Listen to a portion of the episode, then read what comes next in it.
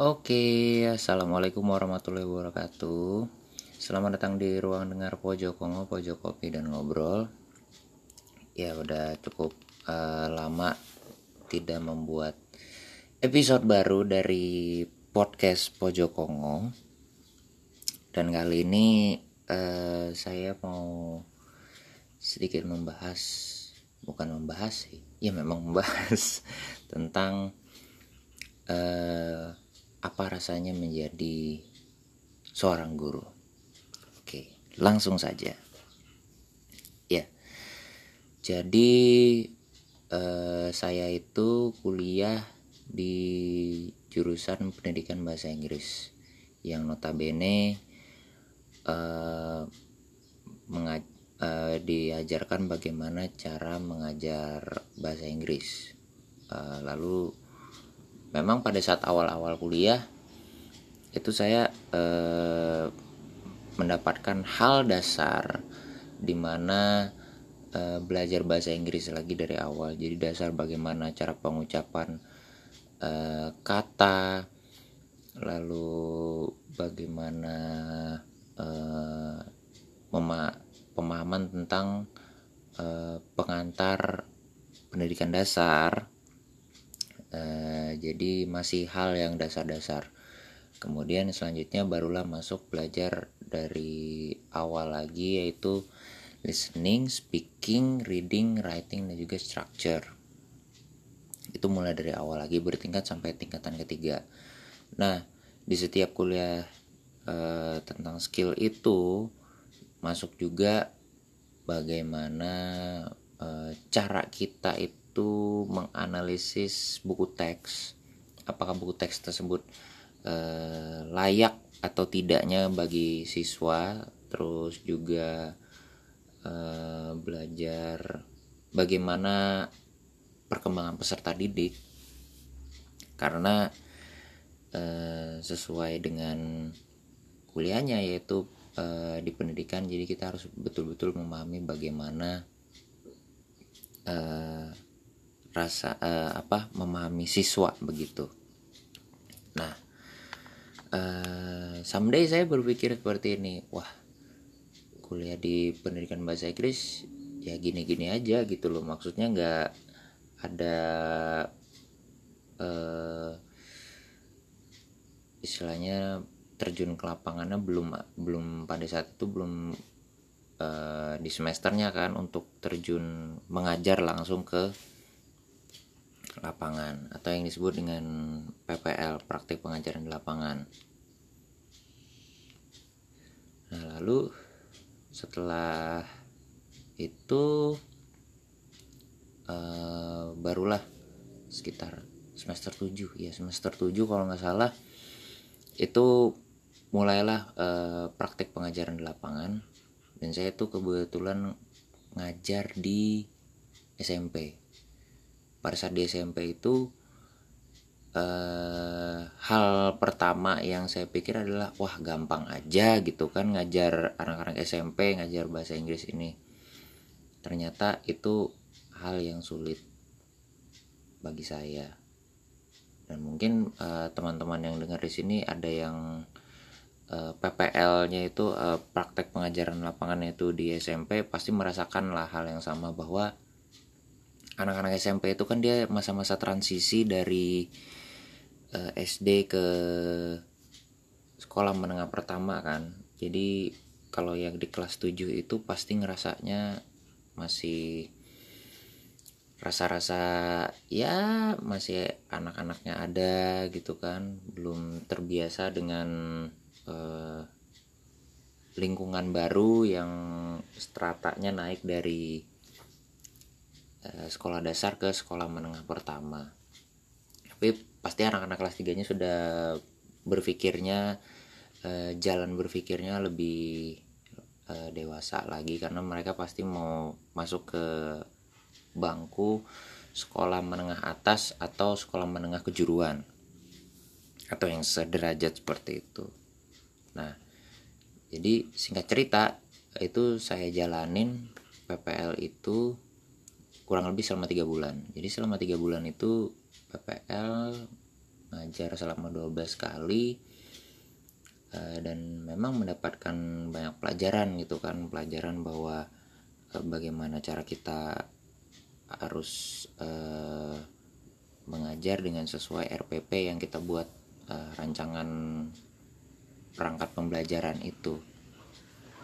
Nah, singkat cerita di situ sudah selesai PPL dan saya merasa kayak wah ternyata asik ya jadi guru gitu. Artinya mengajarkan sesuatu uh, tapi uh, itu belum pernah diketahui oleh siswa. Bisa jadi atau mungkin siswa sudah tahu cuma kita cuma tinggal mengulang-ulang tapi dengan cara yang uh, istilahnya itu dengan cara kita sendiri gitu loh. Dengan cara yang uh, new way atau hal yang baru.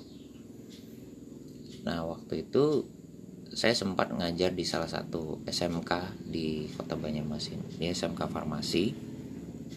Salah satu SMK yang ada jurusan farmasi dan TKJ-nya sama ada jurusan laboratorium medik kalau salah.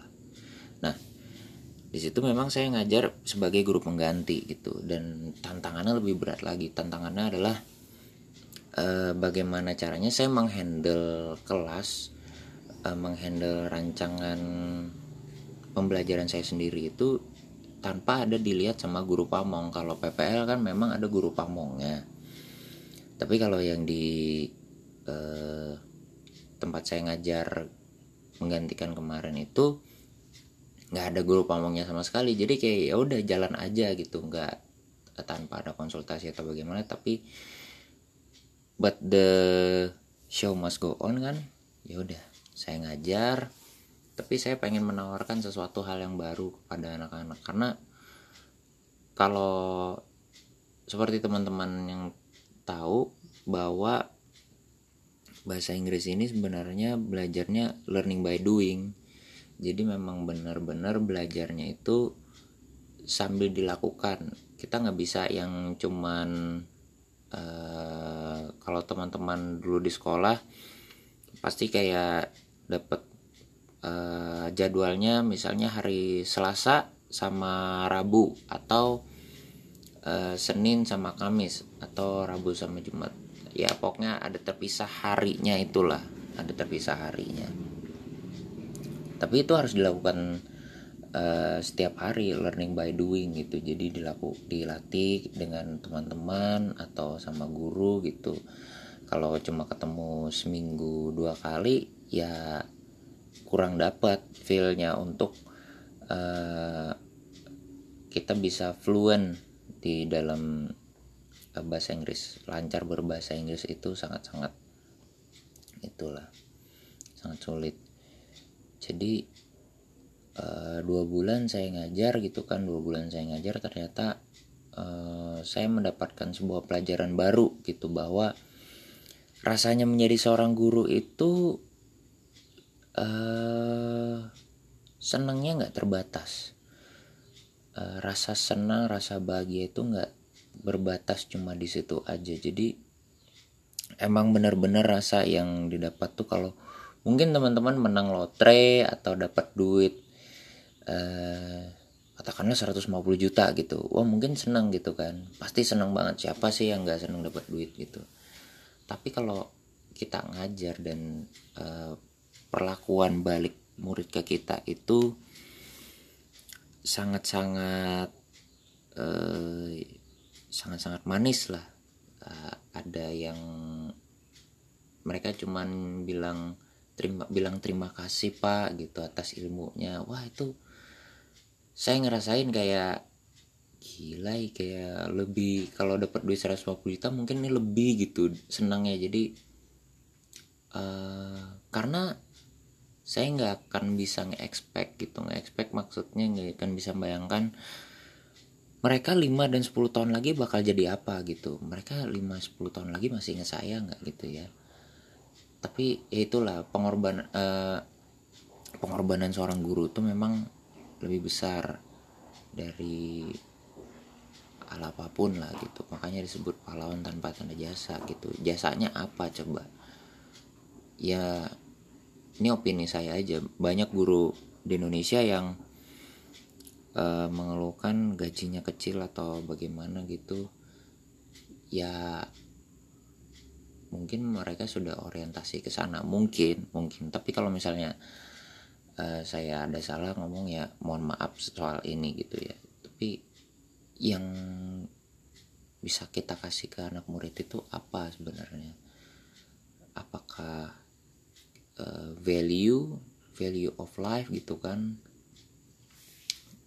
Saya rasa value of life itu sangat penting sekali kita ajarkan kepada siswa-siswa kita gitu loh. Karena di era sekarang uh, itu sudah berbeda dengan era-era yang dulu kan. Uh, teknologi informasi sudah bisa dibuka dengan hanya sekali klik aja. Teman-teman sekarang mungkin bisa dengar uh, lagu di mana pun dan kapan pun lewat platform kayak Spotify dan juga platform-platform uh, lainnya. Kalau zaman dulu mungkin kita mesti harus misalnya mau denger uh, lagu di handphone kita mesti harus ke ponsel kita minta uh, masukin lagunya ke dalam handphone kita terus beli gitu kan. Satu lagu berapa ya? 3000 atau 5000 dulu tuh. Masih zaman uh, Nokia gitu kan.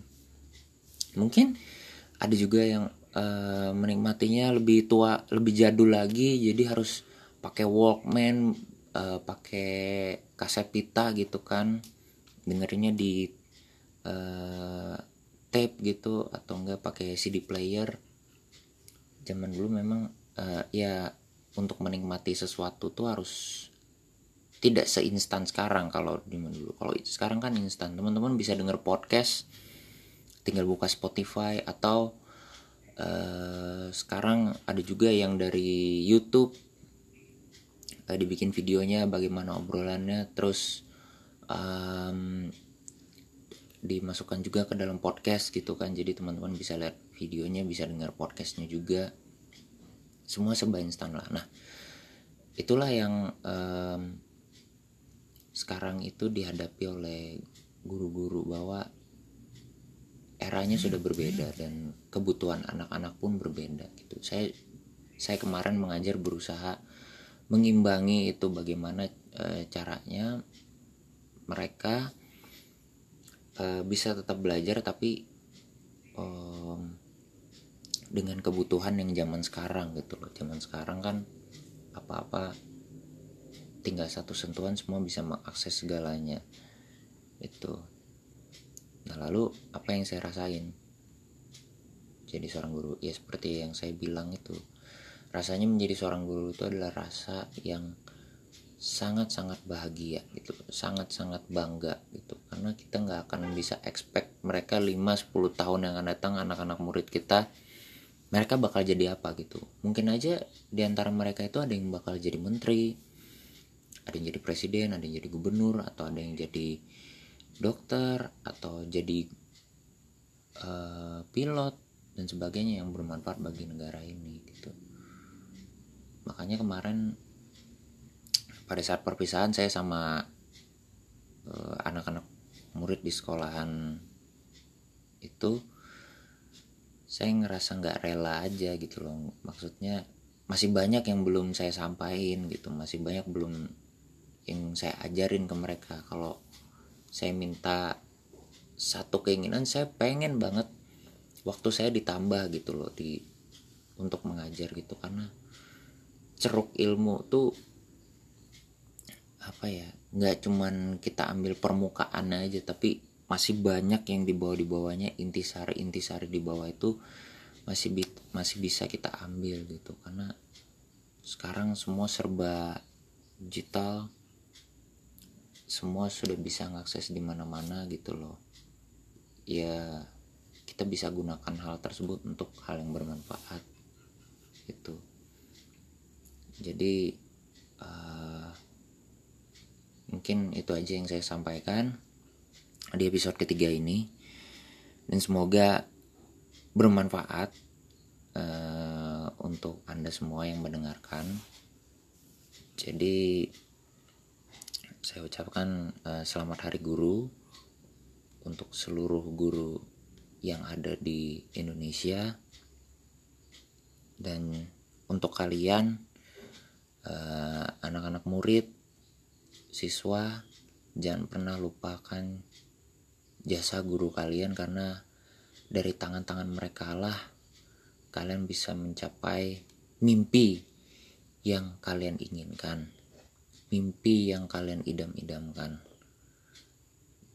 Terima kasih sudah mendengarkan uh, episode ini dan jangan lupa kalau misalnya teman-teman uh, menyukai podcast ini bisa klik like dan jangan lupa untuk teman-teman juga misalnya mau follow Instagram Pojokongo bisa langsung aja di @pojokongo di Instagram.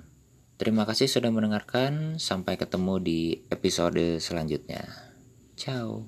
Wassalamualaikum warahmatullahi wabarakatuh.